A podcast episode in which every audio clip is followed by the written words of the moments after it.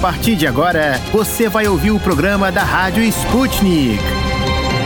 Saudações, queridos ouvintes! Eu me chamo Pablo Rodrigues e, com minha colega Ana Lívia Esteves, vou levar todos vocês para dar um giro pelo mundo na nave da Rádio Sputnik. Apertem os cintos, caros ouvintes, porque a viagem vai ter muitas conexões. E a gente decola, claro, do Brasil, onde na terça-feira, 21 de dezembro, o Congresso Nacional aprovou o orçamento para 2022. A proposta recebeu 358 votos favoráveis e 97 contrários entre os deputados, e 51 votos a favor contra 20 contrários entre os senadores.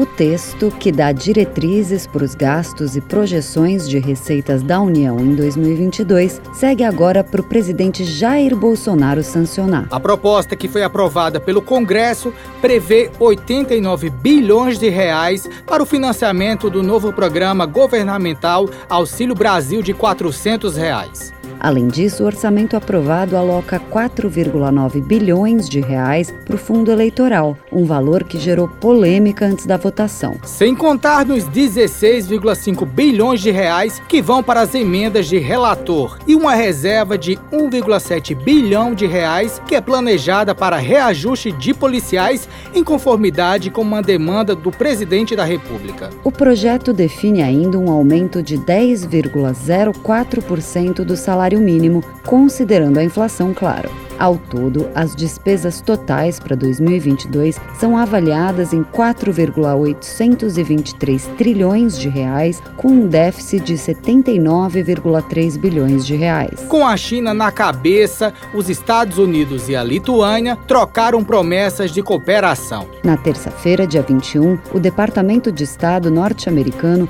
informou que os chanceleres dos Estados Unidos e da Lituânia discutiram por telefone o apoio dos Estados Unidos na contenção da atividade econômica chinesa. Segundo o comunicado, aspas, o secretário Blinken enfatizou o apoio americano à Lituânia ante essas ações e reafirmou o compromisso dos Estados Unidos de trabalhar com os países que pensam da mesma forma para lutar contra o comportamento diplomático e econômico coercivo da República Popular da China. Os dois chanceleres mencionaram os relatos de que as autoridades alfandegárias da China não liberam os carregamentos lituanos ou cargas com componentes lituanos e que Pequim também rejeita pedidos de importação da Lituânia. E foi relatada pelo Pentágono também na terça-feira, dia 21, que a administração Biden aprovou a venda para a Lituânia de sistemas de mísseis antitanque Javelin por 125 milhões de dólares, que seriam 718 milhões de reais na cotação de hoje. E aí, ouvintes, é coincidência ou não que o anúncio de cooperação entre Estados Unidos e Lituânia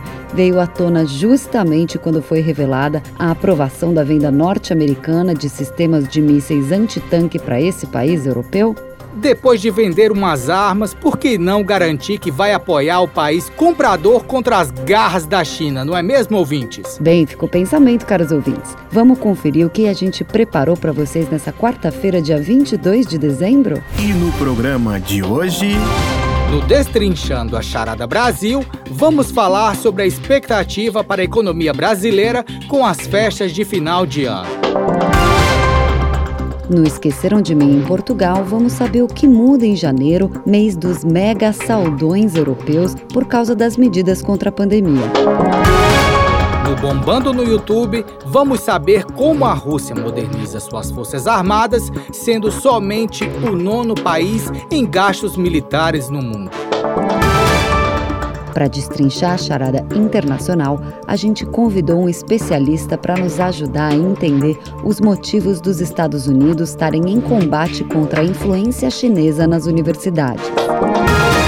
O Mistura do Brasil com Moscou vai bater um papo com os brigadistas Érica Yurchá e Lucas Rubio sobre o Instituto Sayus.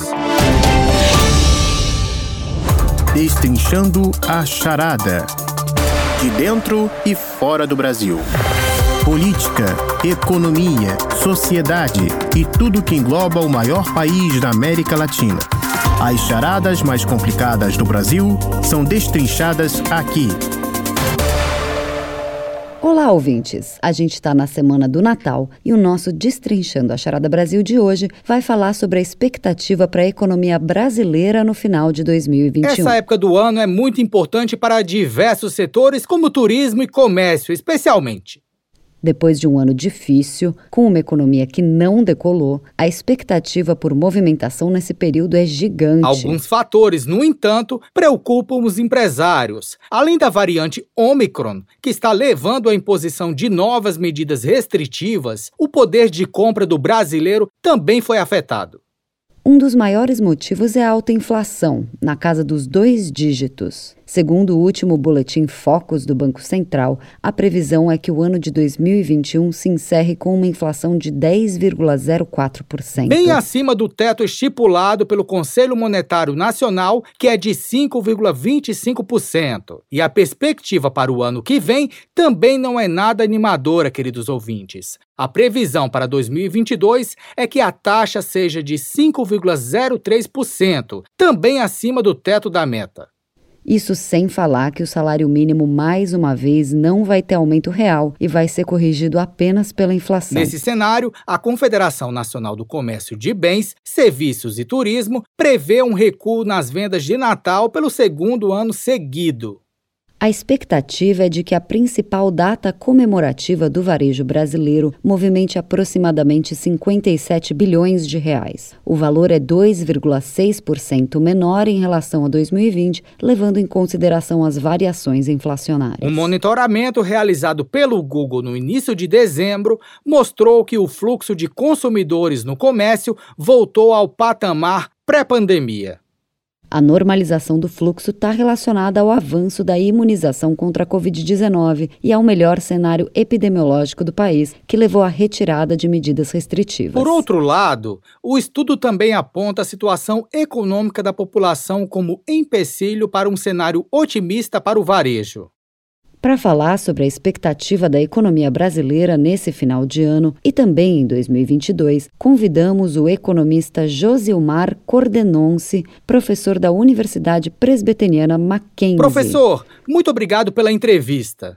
Josilmar, depois de muitas dificuldades ao longo do ano, a gente está em dezembro, uma das melhores épocas para diversos setores da economia. Qual a expectativa para a economia brasileira, principalmente para o comércio, nesse final de ano? Dada a nossa evolução desde o final do ano passado para cá, a gente começou a ter expectativas positivas com relação a 2021 mas elas foram ficando para trás ao, longo do ano. A inflação foi muito superior ao esperado, a economia deu um primeiro trimestre muito forte, mas não manteve o ritmo, você teve uma queda no segundo trimestre e a gente está indo mais ou menos estagnado. A economia basicamente não está crescendo a partir do final do primeiro trimestre.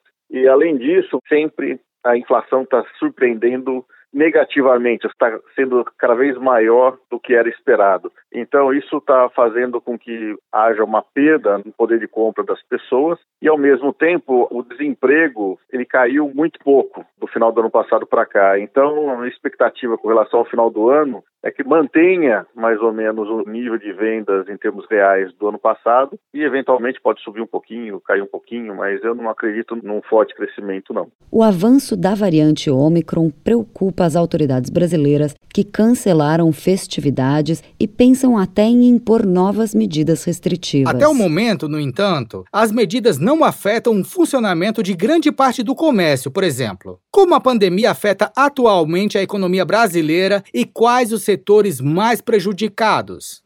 A pandemia afeta em dois lados. O primeiro é que o setor de serviço, principalmente, é mais afetado porque demanda maior contato entre as pessoas e comércio físico, não virtual. E muita gente está relutante em sair em lojas cheias, e isso diminui a demanda. Ao mesmo tempo, pressiona gastos do governo que faz com que o controle das contas fique um pouco abalado, apesar de que esse ano os gastos com relação à pandemia foram bem menores que o ano anterior, mas teve impacto significativo no nosso endividamento o ano passado. Sem dúvida nenhuma, o setor ligado a turismo, hotéis, companhias aéreas, bares, restaurantes ainda são os mais afetados, porque precisa de um contato, uma proximidade física das pessoas maior que isso é inibido com a pandemia. A inflação deve fechar o ano acima de 10%, elevando os preços da maioria dos produtos. O bolso dos brasileiros está sofrendo nas tradicionais compras de final do ano. É um momento de investir em presentes? Muita gente se endivida para comprar presentes, mas eu acho que não seria uma decisão inteligente que os juros estão muito altos e crescentes, principalmente para o consumidor. O ideal seria aquela história de comprar uma lembrancinha, né, com um presente para marcar a data, mas fazer gastos racionais, porque o ano que vem é um ano de eleição que geralmente traz muita volatilidade ao mercado e eventualmente o desemprego é alto, então o risco de ser demitido é alto, tem que tomar um certo cuidado. É melhor poupar do que gastar, mas o brasileiro em geral tem uma tendência a gastar mais do que deve. Mas nos últimos tempos, com tanta recessão, eu acho que o brasileiro está menos afoito a gastar de forma irracional. Um ranking feito pela agência de classificação de risco Austin Rating mostrou que o Brasil tem a quarta maior taxa de desemprego entre 44 países. Professor, a economia brasileira sente os efeitos desse alto nível de desempregados? Ah, sem dúvida. Na verdade, o desemprego é uma consequência do nosso ambiente hostil a negócios. Você investir é muito arriscado, criar empregos, então fica mais difícil, e você tem um ambiente que está muito incerto. Então, os empresários estão se resguardando o dinheiro para um momento em que tem uma clareza melhor do que pode acontecer no futuro. Então, no ano que vem, dependendo de como vai ser encaminhada a eleição, quem vai ser favorito, isso pode mudar. Se você tiver uma esperança que o futuro vai ser melhor, a gente vai para um caminho mais sustentável de crescimento, esse ânimo dos empresários pode mudar. Mas, por enquanto, estão segurando, porque o custo é muito alto de você contratar um empregado e ter que demiti-lo logo em seguida. Então, é natural essa aversão a risco dos empresários. A movimentação econômica no comércio e no setor de turismo no final do ano e no início de 2022 vai ser suficiente para compensar as perdas recentes desses dois setores? Eu acredito que não, principalmente nos setores de turismo, né? Você tem uma característica que a gasolina está cara, então as viagens devem ser mais curtas e mesmo assim vão optar por carro ou ônibus porque a passagem aérea ficou muito cara. E para viajar para fora, por exemplo, está muito arriscado. De repente você está num país, aí tem um lockdown, você não consegue sair. Estamos vendo agora na África do Sul que tem muitos brasileiros que ficaram presos lá. Então, está envolvendo um risco muito grande de você fazer viagens dos sonhos, por exemplo. Então, o pessoal está escolhendo viagens curtas, perto e de curta duração. E isso faz com que os gastos com relação a essa época do ano tendem a ser menores. Faltam poucos dias para 2022 e o desejo dos brasileiros é que a economia melhore com a inflação menor e mais empregos. Professor, de uma maneira geral, qual é a expectativa atual de retomada econômica? Com o nosso problema da inflação, o Banco Central está tendo que aumentar muito a taxa de juros, num nível que vai fazer com que a economia cresça menos. Vai colocar a taxa de juros alto o suficiente para impactar na atividade econômica negativamente, para diminuir a demanda e evitar com que esse aumento de preços que vem do lado de oferta, do lado de importados, alimentos e tudo mais, não se espalhe para a economia. Esse é o papel dele. Ele está fazendo o lado certo. O problema é o lado fiscal, dado essas PECs de precatório, estão desmontando o nosso arcabouço fiscal, a nossa credibilidade que era sustentada em cima do teto de gastos e da responsabilidade fiscal. E isso está sendo fortemente atacado por essa PEC dos precatórios e do jeito que está sendo financiado o Auxílio Brasil. E isso faz com que as expectativas dos investidores é que a dívida pública vai começar a crescer muito rapidamente. Então estão fugindo do Brasil. Está muito incerto, muito arriscado. Isso mantém o dólar muito alto, realimentando a inflação, e o Banco Central vai ter que subir ainda mais a taxa de juros até uns 11%, 12% para tentar. Aí então a economia não vai ter como crescer. O crescimento dela vai ser próximo de zero ou até teremos uma recessão. Essa é a expectativa para 2022. Ano que vem tem eleição presidencial e, como sempre, o tema deve dominar o noticiário.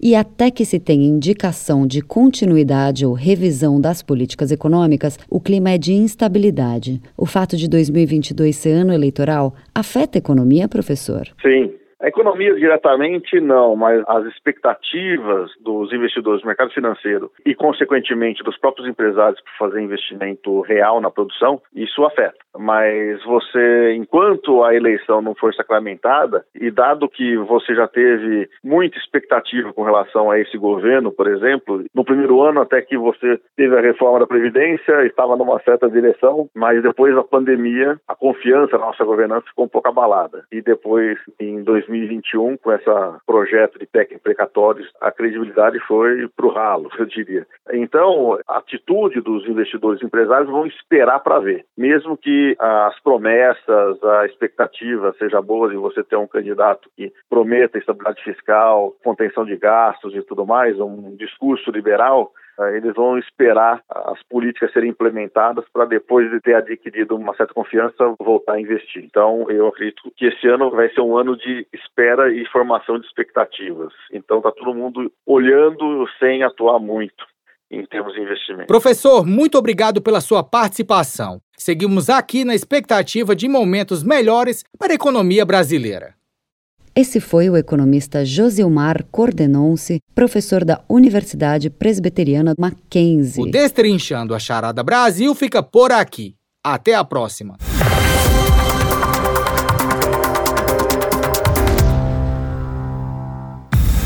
Não se esqueça de ler, curtir e comentar nossas matérias no site br.sputniknews.com. Esqueceram de mim em Portugal. Senhoras e senhores passageiros, apertem os cintos de segurança porque estamos prestes a decolar rumo a Portugal. A tripulação Sputnik Brasil deseja a todos uma ótima viagem. Aterrizamos na terrinha do alecrim e do pastel de nata, mas hoje o assunto não é comida, queridos ouvintes. O que vai acontecer de diferente em janeiro aí em Portugal? Nossa correspondente Luísa Ramos conta tudo pra gente. Olá, Pablo. Olá, Ana. Olá, ouvintes da Rádio Sputnik. Hoje vamos falar sobre as famosas liquidações europeias de janeiro, mas que podem sofrer alterações em alguns países por conta da pandemia. Um deles, já confirmado, é Portugal. Por lá, para começar, como eu disse no nosso quadro de ontem, a possibilidade de adiantamento das regras de contenção foi confirmada e começa a valer no primeiro minuto do dia 26 de dezembro, próximo domingo após o Natal. O Conselho de Ministros aprovou em reunião extraordinária a adoção de novas medidas de combate e prevenção da pandemia de Covid-19. Segundo o primeiro-ministro Antônio Costa, resumidamente, vai haver o aumento do uso de máscara, aumento do número de testes e aumento de vacinação e do controle das fronteiras. O primeiro-ministro reforçou que as pessoas sigam se vacinando para prevenir a gravidade da infecção e falou aspas: "Apostamos em aumentar significativamente a testagem e quase que triplicamos o número em testes entre 19 de dezembro do ano passado e 19 de dezembro deste ano. Sobre o controle de fronteiras, eu lembro a vocês, estimados ouvintes, que Portugal já decretou desde o início do mês de dezembro a apresentação de testes de COVID negativo para entrar no país, mesmo para quem estiver dentro da União Europeia. A medida foi mal vista dentro do bloco e já levou à aplicação de multas a 1.400 passageiros e 38 companhias aéreas que permitiram o embarque sem o exame realizado. Agora, voltando ao assunto das grandes liquidações, ou chamados também de saldos, em Portugal. O Conselho de Ministros, na mesma reunião, também proibiu qualquer baixa de preços ou anúncios de promoções entre 25 de dezembro e 9 de janeiro. Para garantir o direito dos consumidores de troca de produtos, foi estabelecido também um tempo maior para troca nas lojas. No comunicado emitido nesta terça-feira, dia 21, os ministros afirmam que, para a proteção do consumidor e a respeito das vendas em saldos, ficou definido que, aspas, o prazo para o exercício do direito atribuído ao consumidor que termine entre os dias 26 de dezembro e 9 de janeiro ou nos 10 dias posteriores àquele período é prorrogado até 31 de janeiro de 2022. Isso foi decidido para evitar uma corrida aos shoppings e centros comerciais logo a seguir às aglomerações de fim de ano e assim evitar novas contaminações pela variante Omicron. Com isso, as sempre esperadas promoções de janeiro só devem ter início em meados do mês. Isso se não houver uma outra reunião extraordinária para novas medidas de acordo com a evolução do quadro pandêmico em Portugal. Como curiosidade, informo também que, para quem estiver na França, por enquanto as vendas de inverno serão oficialmente lançadas dia 12 de janeiro de 2022. Já na Espanha, a depender da região, podem começar já na primeira ou na segunda semana de janeiro. Por enquanto, não houve anúncio de novas regras e datas para as famosas rebarras espanholas, como as anunciadas em Portugal. Realmente, a depender do produto que a pessoa esteja interessada, vale super a pena esperar até janeiro, mas todo cuidado é pouco. A pandemia tá aí. Por hoje é isso, prezados ouvintes. Seguimos acompanhando tudo por aqui e informando para vocês sempre. Até amanhã. Aqui na Rússia já tá tudo em promoção de fim de ano, Luísa. Não é como por aí na Europa não, que é só em janeiro. Pois é, nessa época os russos enchem os mercados e as lojas, até porque com o frio que tá, é melhor sair de casa só uma vez, comprar tudo e não sair mais. Mas pessoal, não se esqueça de manter a distância e usar máscara se for aproveitar os saldões depois do Natal na Europa, hein? E sempre tem opção online, né, gente? Não deixem de verificar se a loja tem os preços rebaixados também na internet. Com certeza. Obrigado pelo boletim de hoje e até amanhã, Luísa. Siga a Sputnik Brasil no Twitter para sempre estar por dentro das notícias mais importantes do momento.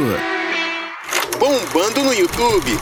Curtidas e mais curtidas da Rússia ao Brasil. Confira com a Rádio Sputnik os vídeos que receberam mais likes e visualizações e estão no topo do YouTube.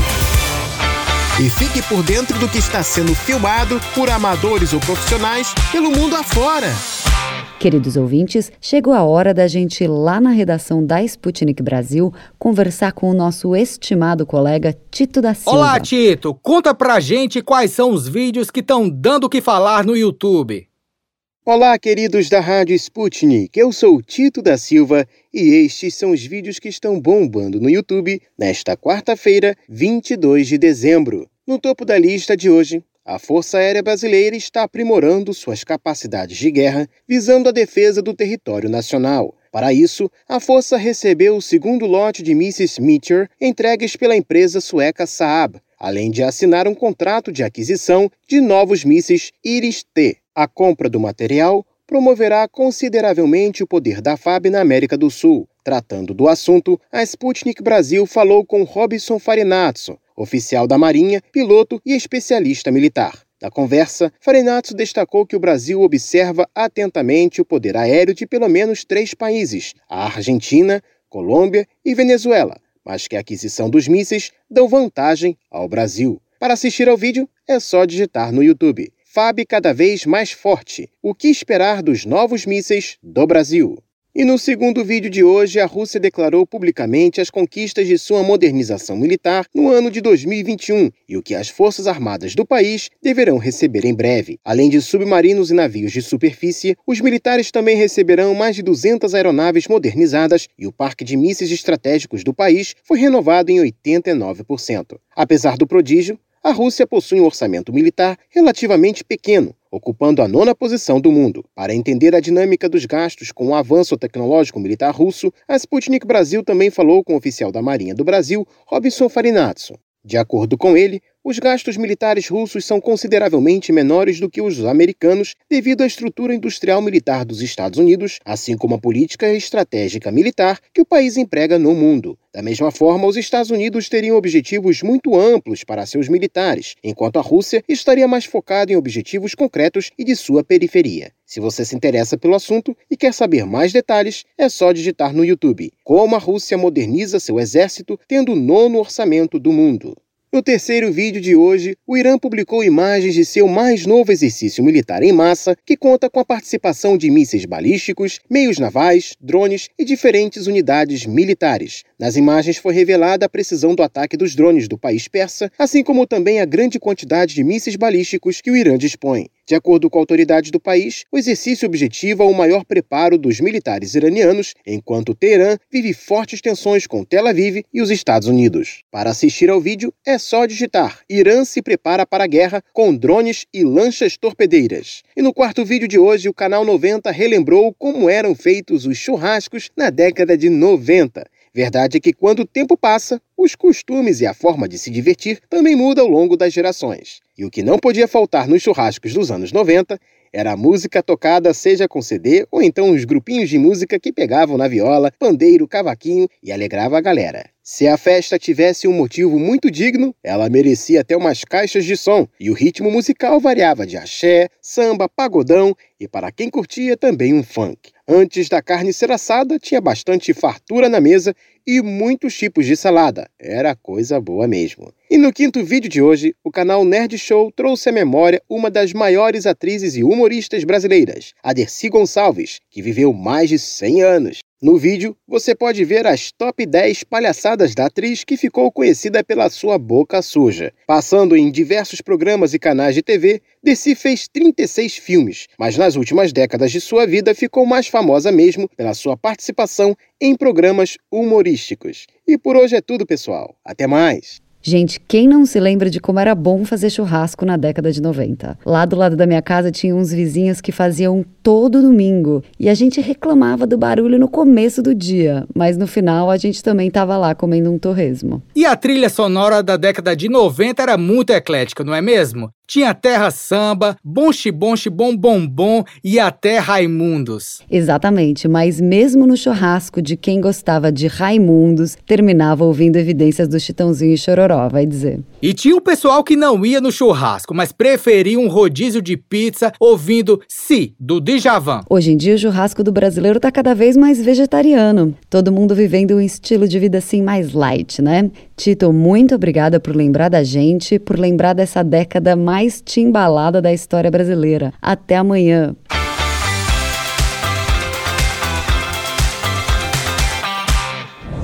Destrinchando a charada. De dentro e fora do Brasil. Política, economia, sociedade e tudo que engloba o maior país da América Latina. As charadas mais complicadas do Brasil são destrinchadas aqui Prezados ouvintes, no nosso Destrinchando a Charada Internacional, vamos saber o que a condenação de um professor de Harvard tem a ver com a influência chinesa no meio universitário norte-americano. Não é de hoje que sabemos que a China e os Estados Unidos vivem um embate em diversas esferas. Conceitualmente, cada país tem visões de mundo que muitos consideram antagônicas. Os Estados Unidos interpretam o crescimento político, econômico e militar da China como uma ameaça ameaça à segurança nacional norte-americana. Por outro lado, a visão de Washington é vista como anti-chinesa, com uma preocupação de conter o crescimento econômico de um potencial rival. O professor da Universidade de Harvard, Charles Lieber, de 62 anos, foi acusado de mentir sobre seus laços com um programa de recrutamento administrado pela China. E nessa terça-feira, dia 21 de dezembro, ele foi condenado nos Estados Unidos, apesar de se declarar inocente. Segundo informações da Reuters, Liber foi denunciado ainda em janeiro de 2020 como parte de uma ofensiva do Departamento de Justiça dos Estados Unidos para combater a espionagem econômica e o roubo de pesquisas por parte da China. A promotoria acusou que, como parte de um programa de recrutamento de talentos, a Universidade de Tecnologia de Wuhan destinou a Liber mais de um milhão e meio de dólares para a montagem de um laboratório na China, além de pagamentos mensais e custeio de despesas. Para destrincharmos esse assunto, convidamos Marcos Vinícius de Freitas, professor visitante da Universidade de Relações Exteriores da China, em Pequim. Seja bem-vindo aqui no nosso programa da Sputnik Brasil, professor Marcos. Bom, tendo em conta essa situação do professor Liber, a gente pode dizer que a rivalidade entre Estados Unidos e China na esfera de defesa internacional influenciou no rigor com o qual a situação do professor foi tratada em Washington? Não há dúvida de que a relação entre China e Estados Estados Unidos anda muito conturbada e que nós observamos também uma retomada de atitudes muito semelhante àquilo que aconteceu nos Estados Unidos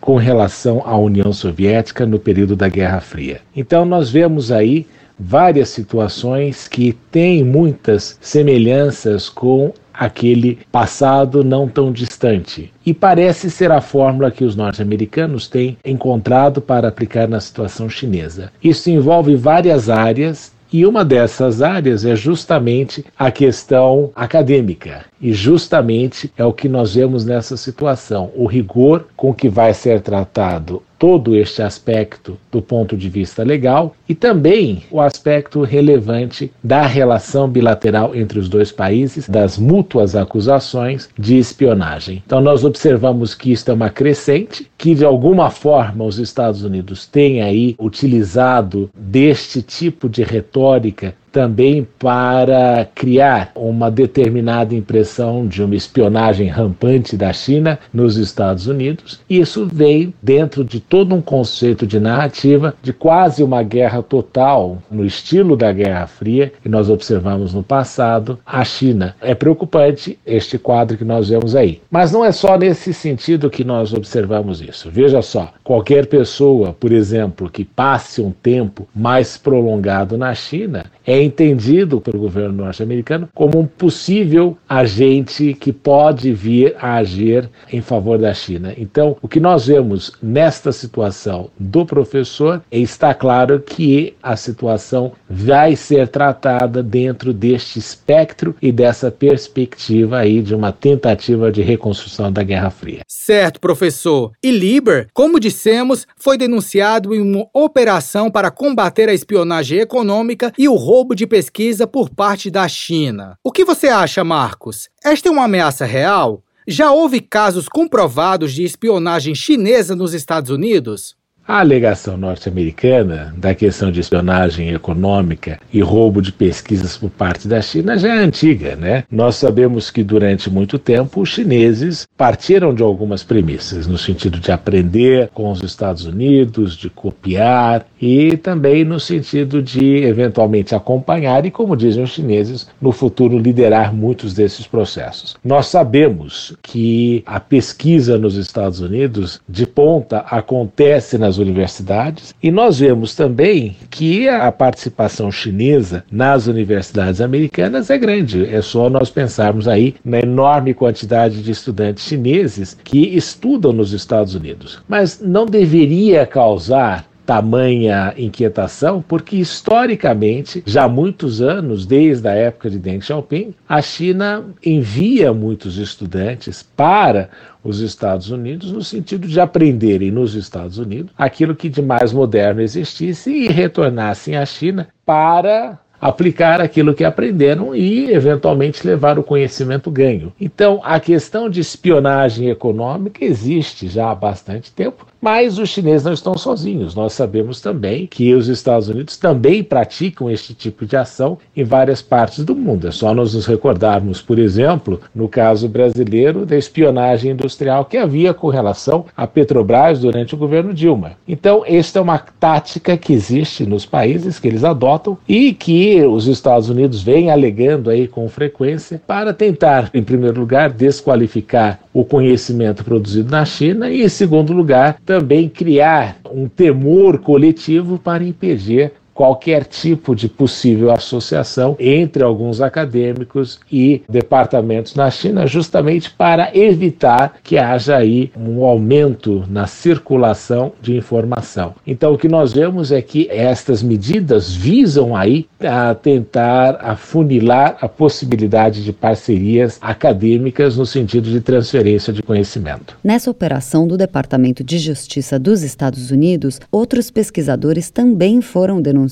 a partir de investigações sobre as relações acadêmicas com a China. Professor, o que mais podemos aferir sobre a influência da China e o acesso de estudantes chineses nas universidades norte-americanas? De todos os países envolvidos, não há dúvida de que os Estados Unidos são e constituem o país que maior interesse tem em aprofundar seu conhecimento a respeito da China. Então, é normal que haja aí uma quantidade relevante de pesquisadores atuando e estudando sobre a China. Então, esta tentativa de aproximação faz com que os norte-americanos apresentem aí mais departamentos de estudos sobre a China e maior interação entre quadros acadêmicos. E também não podemos esquecer de que existe aí um aumento, já há muitos anos, considerável da participação e da presença de alunos chineses nas universidades dos Estados Unidos. Eu me recordo recentemente de uma viagem que eu fiz aos Estados Unidos em que eu notei uma grande quantidade de estudantes chineses. Obviamente que, em razão da pandemia e durante os anos de governo Trump, todos os ataques que aconteceram com relação aos chineses fez com que muitos reconsiderassem a possibilidade de estudar nos Estados Unidos e transformaram aí, tornaram, por exemplo, a Inglaterra no grande recebedor de uma massa grande de estudantes que teriam interesse de ir para os Estados Unidos. Mas em razão dessas medidas que o governo americano vem adotando, que de alguma forma discriminam os chineses, isso aí fez com que acontecesse uma alteração no rumo geográfico do interesse acadêmico chinês. Nós notamos que, em razão da presença massiva de estudantes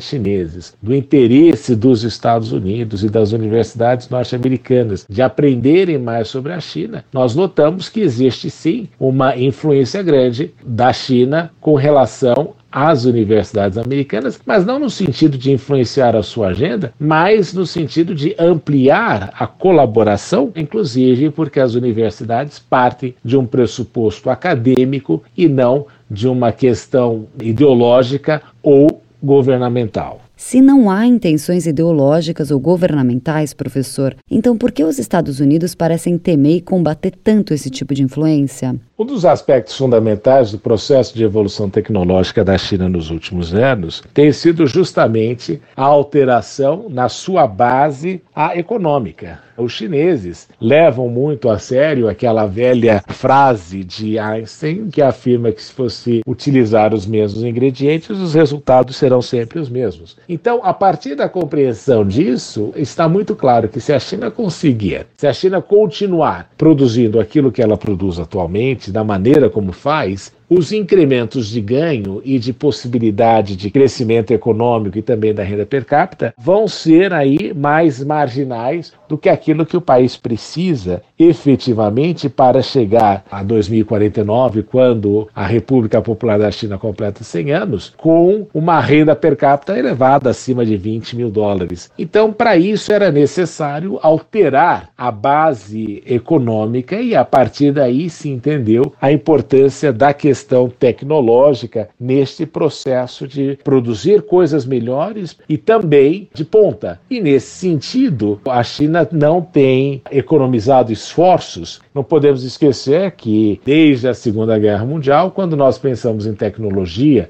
e ponto a fundamental de introdução de novas tecnologias, obviamente que existe o Japão, que é um país de alta tecnologia, mas o principal do sistema internacional são os Estados Unidos. Auto tomar essas medidas, o governo da China automaticamente começa aí um processo de deslocamento. E isto é preocupante porque ao perder esta posição de primazia, os Estados Unidos basearão o seu domínio global, a sua hegemonia, somente na questão militar e econômica. E a questão econômica nós vemos que vem deteriorando à medida que os anos passam, e mesmo no aspecto militar, su o surgimento de novas tecnologias, como a guerra cibernética, por exemplo, também alteram este tabuleiro. Então, obviamente, os Estados Unidos não querem perder esta primazia, e é por esta razão que eles temem e tentam combater aí o máximo possível este tipo de influência. Nesse caso, Marcos, a gente deve falar aqui de legítima defesa norte-americana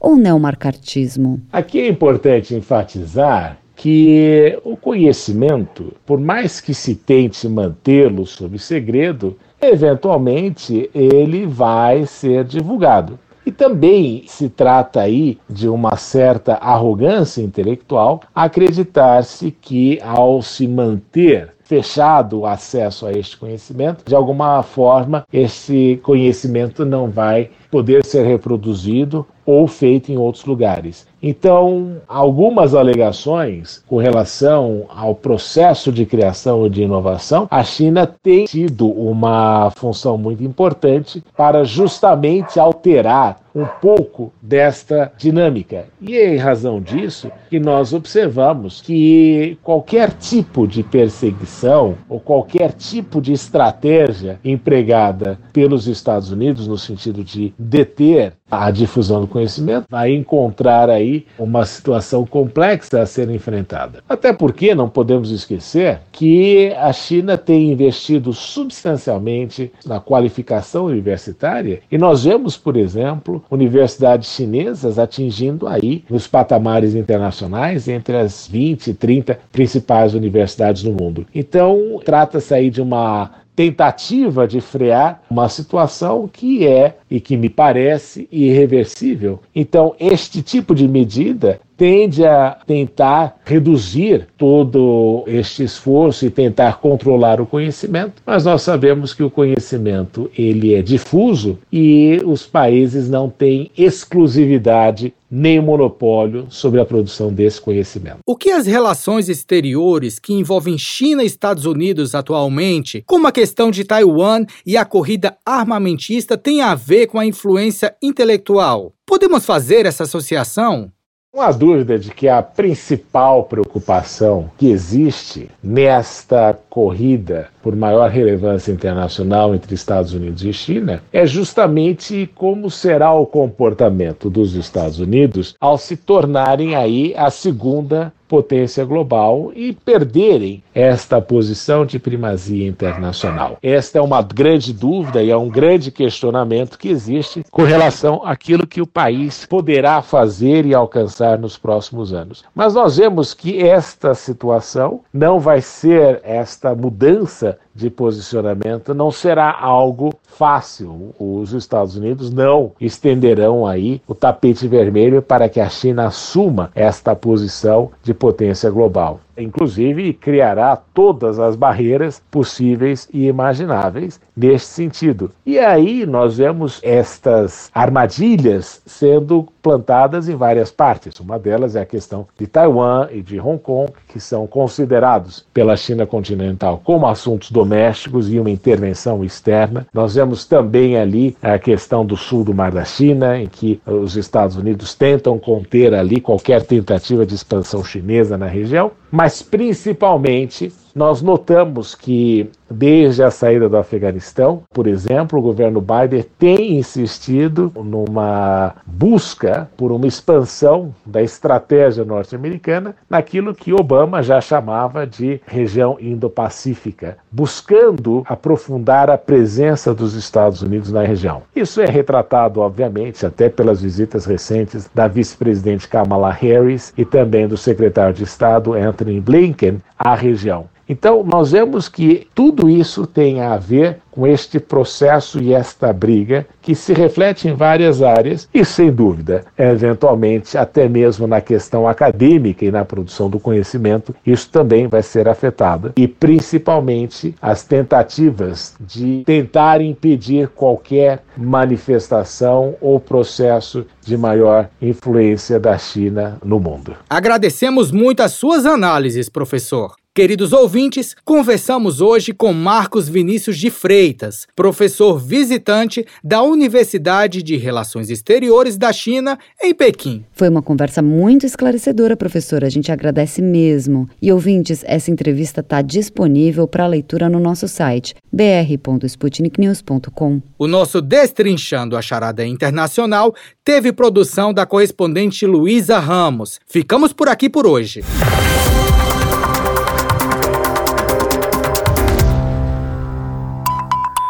Para ficar por dentro de todas as novidades, tanto mundiais como brasileiras, se inscreva no nosso canal do Telegram. É muito simples.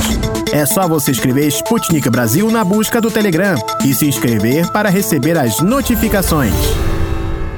Mistura do Brasil com Moscou. A mistura agora é com a Rússia e a coreografia já está pronta. Com os gingados russos e brasileiros, as relações estão em sintonia entre estes dois gigantes. Queridos ouvintes, eu vou voltar uns anos para contar para vocês como foi vir morar na Rússia. Bem, eu lembro que quando eu decidi tentar conseguir uma bolsa de estudos para fazer faculdade aqui, a primeira coisa que eu pensava era: como eu vou aprender o idioma russo para me virar por lá? E a primeira coisa que o interessado em se mudar para outro país, onde se fala outro idioma, faz é tentar conseguir umas aulas, ou até mesmo se virar sozinho com os materiais na internet, né? Eu lembro que antes de vir para cá, eu fiz um curso de russo para chegar aqui sabendo pelo menos o básico. Ana, quem dera! O ano era 2008 e encontrar alguém que soubesse russo e que ensinasse esse idioma lá no Rio Grande do Norte era complicado. Daí eu comecei a buscar apostilas na internet, mas essa foi outra dor de cabeça. Mas uma coisa é certa: a tarefa de conseguir materiais e professores de idiomas está muito mais fácil hoje em dia. E quando se trata de facilidade, já me vem à cabeça o Instituto Sayus, que promove cursos de idiomas e disponibiliza materiais de graça das mais diversas línguas. Tem material de francês, de alemão, de turco, de russo. A lista é extensa, caros ouvintes. Para nos tornarmos íntimos do Instituto Sayus, vamos bater um papo com os brigadistas Érica Yurchá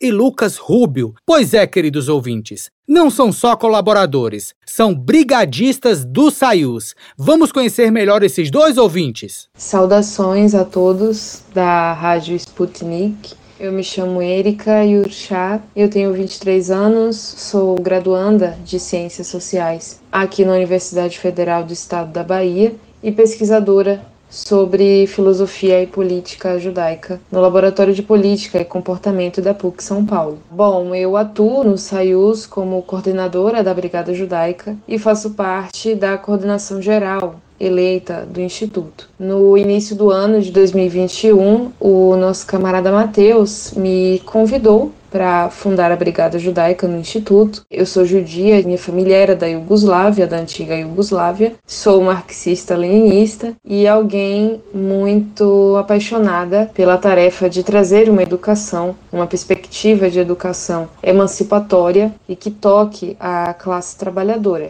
e que por meio disso a mesma se emancipe de seus grilhões. Então, claro que eu topei quando ele me convidou. Comecei a atuar desde a gênese do, do Instituto e logo após a estruturação das nossas brigadas, eu fui eleita, juntamente com o camarada Rubio, que está aqui também participando dessa entrevista, a camarada Morgana e o camarada Matheus. E também posso dizer, em nome do nosso instituto, que estamos muito felizes com o contato e o espaço da Rádio Sputnik para essa entrevista e desde já também parabenizo vocês pelo trabalho. Prazer é todo nosso, Érica. Alô, camarada Rubio, agora é com você. Olá a todos da Rádio Sputnik. Meu nome é Lucas Rubio, eu sou estudante de letras com habilitação em língua russa pela UFRJ, quase concluindo a graduação, e moro no Rio de Janeiro. Atualmente eu trabalho como professor de língua russa, como monitor de língua russa, com aulas pela internet e num projeto da UFRJ chamado CLAC, né, Cursos de Língua aberto à comunidade, projeto do qual faço parte desde 2018 e as minhas demais aulas de russo na internet são dadas pelo Instituto Sayus, motivo dessa nossa conversa aqui de hoje. Inclusive, aproveito para agradecer muito ao interesse da Rádio Sputnik por esse assunto. Rubio, você poderia contar para os nossos ouvintes há quanto tempo existe o Instituto Sayus, de onde surgiu a ideia de criá-lo e por que leva o nome Sayus?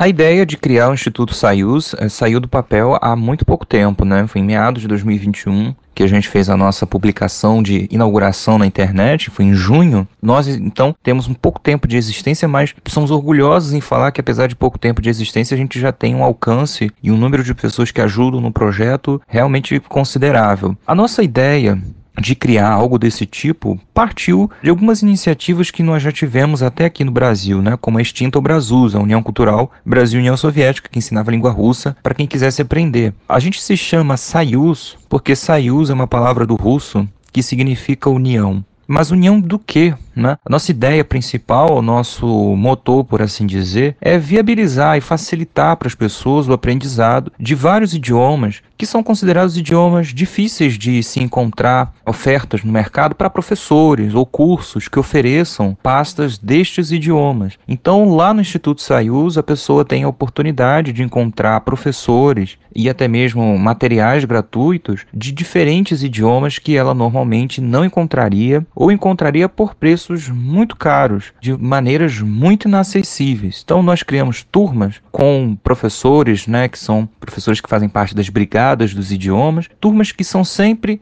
muito acessíveis do ponto de vista econômico, né? Tem valores de pagamento do curso muito simbólicos, muito baixos, para justamente viabilizar o acesso e facilitar o acesso dos brasileiros ao ensino de idiomas considerados idiomas difíceis de se encontrarem. Além dos cursos que nós oferecemos, nós também temos uma pasta geral, né, virtual na internet, que congrega em si milhares de apostilas dos mais diferentes idiomas que você possa imaginar. Então, um idioma da Ásia Central, do leste europeu, da África, da América Latina, da Oceania, da Ásia mesmo, no geral, você pode encontrar na nossa pasta virtual alguma apostila, provavelmente nós teremos pelo menos uma apostila sobre esse idioma que você possa imaginar. Pode ser o mais diferente, difícil de, de se encontrar sobre, que a gente provavelmente vai ter alguma coisa lá. Então, na nossa iniciativa, reunimos esses dois principais uh, braços de trabalho, por assim dizer, né? caminhos de trabalho, tanto a formação de cursos de idiomas, como também a disponibilização para o público de materiais de estudo, apostilas, aulas, videoaulas, né, materiais em áudio, para que as pessoas possam aprender esses idiomas. Érica, quais são os compromissos do Instituto Sayus e no que são baseadas as iniciativas implementadas por vocês? As nossas iniciativas são as iniciativas de jovens educadores populares que pertencem à classe trabalhadora e que resguardam na estrutura do nosso instituto as tarefas de levar educação e cultura numa perspectiva emancipatória, popular na abordagem e no valor dos nossos cursos, é importante dizer, que é internacionalista e essencialmente marxista-leninista. Essas iniciativas, é o melhor, como eu chamo, que são os nossos valores, são claros na nossa perspectiva e no nosso projeto de educação que defendemos, né? O SAIUS, no SAIUS, o aluno, ele não é simplesmente um nome inscrito que paga pelo conteúdo que ele vai ter acesso nós temos um compromisso com a nossa classe e acreditamos que a educação é essa potência que rompe barreiras, capaz de mudar o mundo, capaz de transformar pessoas visando um mundo de qualidade humana para além do capital. Rubio, você falou anteriormente que o Instituto Sayus disponibiliza materiais de diversos idiomas. Então a pergunta vai para você: o que o internauta deve fazer para receber os materiais gratuitos? Há um limite de participantes que recebem ou todo mundo que manda e-mail e segue as regras consegue receber os materiais? Como nosso objetivo é espalhar o máximo possível o ensino dessas línguas e o acesso às pessoas, né, até outras línguas que são consideradas difíceis de serem encontradas com grande facilidade, seja material ou seja professor, né, apto a ensiná-la, nós temos um caminho bem facilitado para quem tem interesse em acessar os materiais virtuais. Não é nada difícil, você não precisa uh, pagar nada por isso, basta seguir algumas regras que a gente tem, alguns pedidos, né, algumas solicitações que nós temos na nossa página do Instagram Instagram, que por enquanto é a nossa plataforma principal de trabalho, que é divulgar, né, pelos seus stories alguma das nossas publicações, marcar os seus amigos no comentário, para que você receba então por e-mail o link da nossa pasta virtual que tem lá as apostilas do idioma que você está procurando. Como eu disse, então basta você entrar em contato com a gente que você consegue receber sim os materiais. A gente está aqui para facilitar e não para dificultar de maneira alguma o acesso a esse tipo de coisa. Érica, o Instituto Sayus é dividido em brigadas e quem faz parte de uma brigada é um brigadista, correto? Me diz uma coisa: o que um interessado deve ter ou ser para conseguir o status de brigadista do Instituto Sayus? Sim, exatamente. A nossa estrutura interna é formada pelas brigadas, que são organismos parcialmente autônomos, formados pelas línguas ou cursos presentes no Instituto e que também tem esse valor histórico de remeter a algumas ex-repúblicas soviéticas, alguns países que pertenciam ao antigo bloco soviético. Hoje nós temos as brigadas russa, húngara, italiana, francesa, judaica, árabe, espanhola, japonesa, esperantista, alemã, chinesa, literária e integradora, que é a nossa querida brigada de Libras. E bom, para quem tem interesse em compor o Sayus e suas brigadas, algumas já estão completas, mas a gente ainda está formando e aprimorando não só a nossa formação dos educadores populares presentes, mas também o encaminhamento de nomes, né, de possíveis interessados para compor com a gente essa tarefa. E é sempre bom que as pessoas entrem em contato pelo nosso e-mail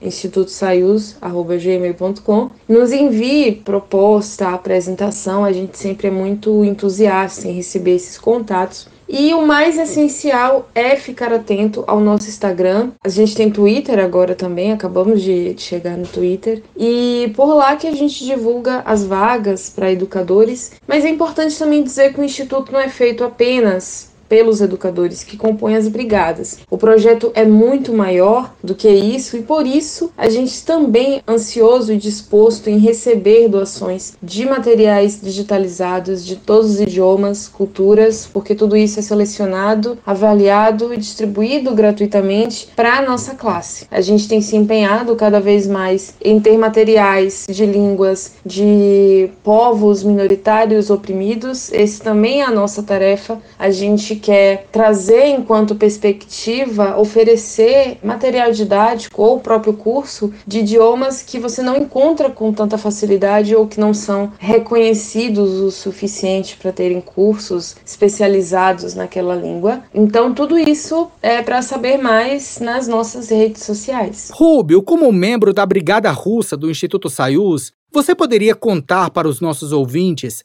como o Soyuz está ligado à Rússia? O Instituto Soyuz está ligado à Rússia principalmente numa ideia de inspiração. Né? A Rússia, algum tempo atrás, quando fazia parte da União Soviética, era considerado o coração do mundo. Você tinha instituições de ensino na União Soviética que recebiam pessoas do mundo inteiro, de vários continentes, pessoas que muitas das vezes não teriam jamais a oportunidade de ter acesso ao ensino superior em seus países e que foram recebidas de braços abertos na União Soviética, né? a contar principalmente principalmente dessas instituições, a Universidade de Amizade dos Povos Patrício Lumumba, e a Rússia até hoje carrega parte desse legado. Muitas universidades russas hoje em dia recebem pessoas, né, com seus programas de bolsa, recebem pessoas do mundo inteiro para estudarem lá, terem acesso a conhecimento. Então, dessa maneira, acredito que essa ideia de receber pessoas, de democratizar o ensino, de levar às pessoas coisas que geralmente seriam muito complicadas de se conseguirem de uma maneira simples e com uma ideia né, não tão ligada assim a, ao mercado, ao dinheiro, a ser um curso muito rico, né, mas sim uma ideia principal da democratização do conhecimento, né, de formação do ser humano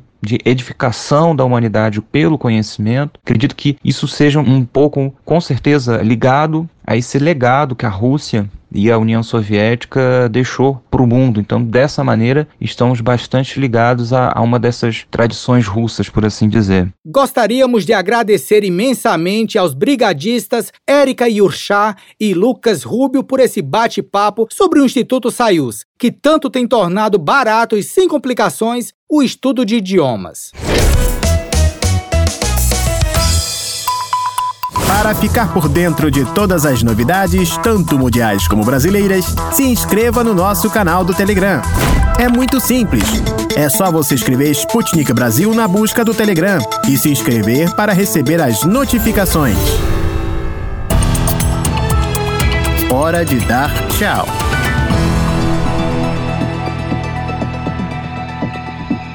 Queridos ouvintes, o nosso programa desta quarta-feira, 22 de dezembro, fica por aqui. A gente agradece a audiência de cada um de vocês e espera que a gente fique juntinhos nesse aquecimento para o Natal. Com certeza, queridos ouvintes. A gente vai ter programas e conteúdo especial para vocês no Natal e no Ano Novo, então fiquem ligados. E para ficar por dentro das notícias do Brasil e do mundo, vocês já sabem, basta seguir as contas da Sputnik Brasil no YouTube e no Telegram e acessar o nosso site br.sputniknews.com. O programa da Rádio Sputnik teve apresentação, produção e edição de texto de Ana Lívia Esteves e Pablo Rodrigues, e produção de conteúdos e edição de texto de Everton Maia, Luísa Ramos e Tito da Silva. A edição e a montagem do programa são de Wellington Vieira e Davi Costa. O editor-chefe da redação da Sputnik Brasil no Rio de Janeiro é Renan Lúcio e em Moscou, Konstantin Kuznetsov.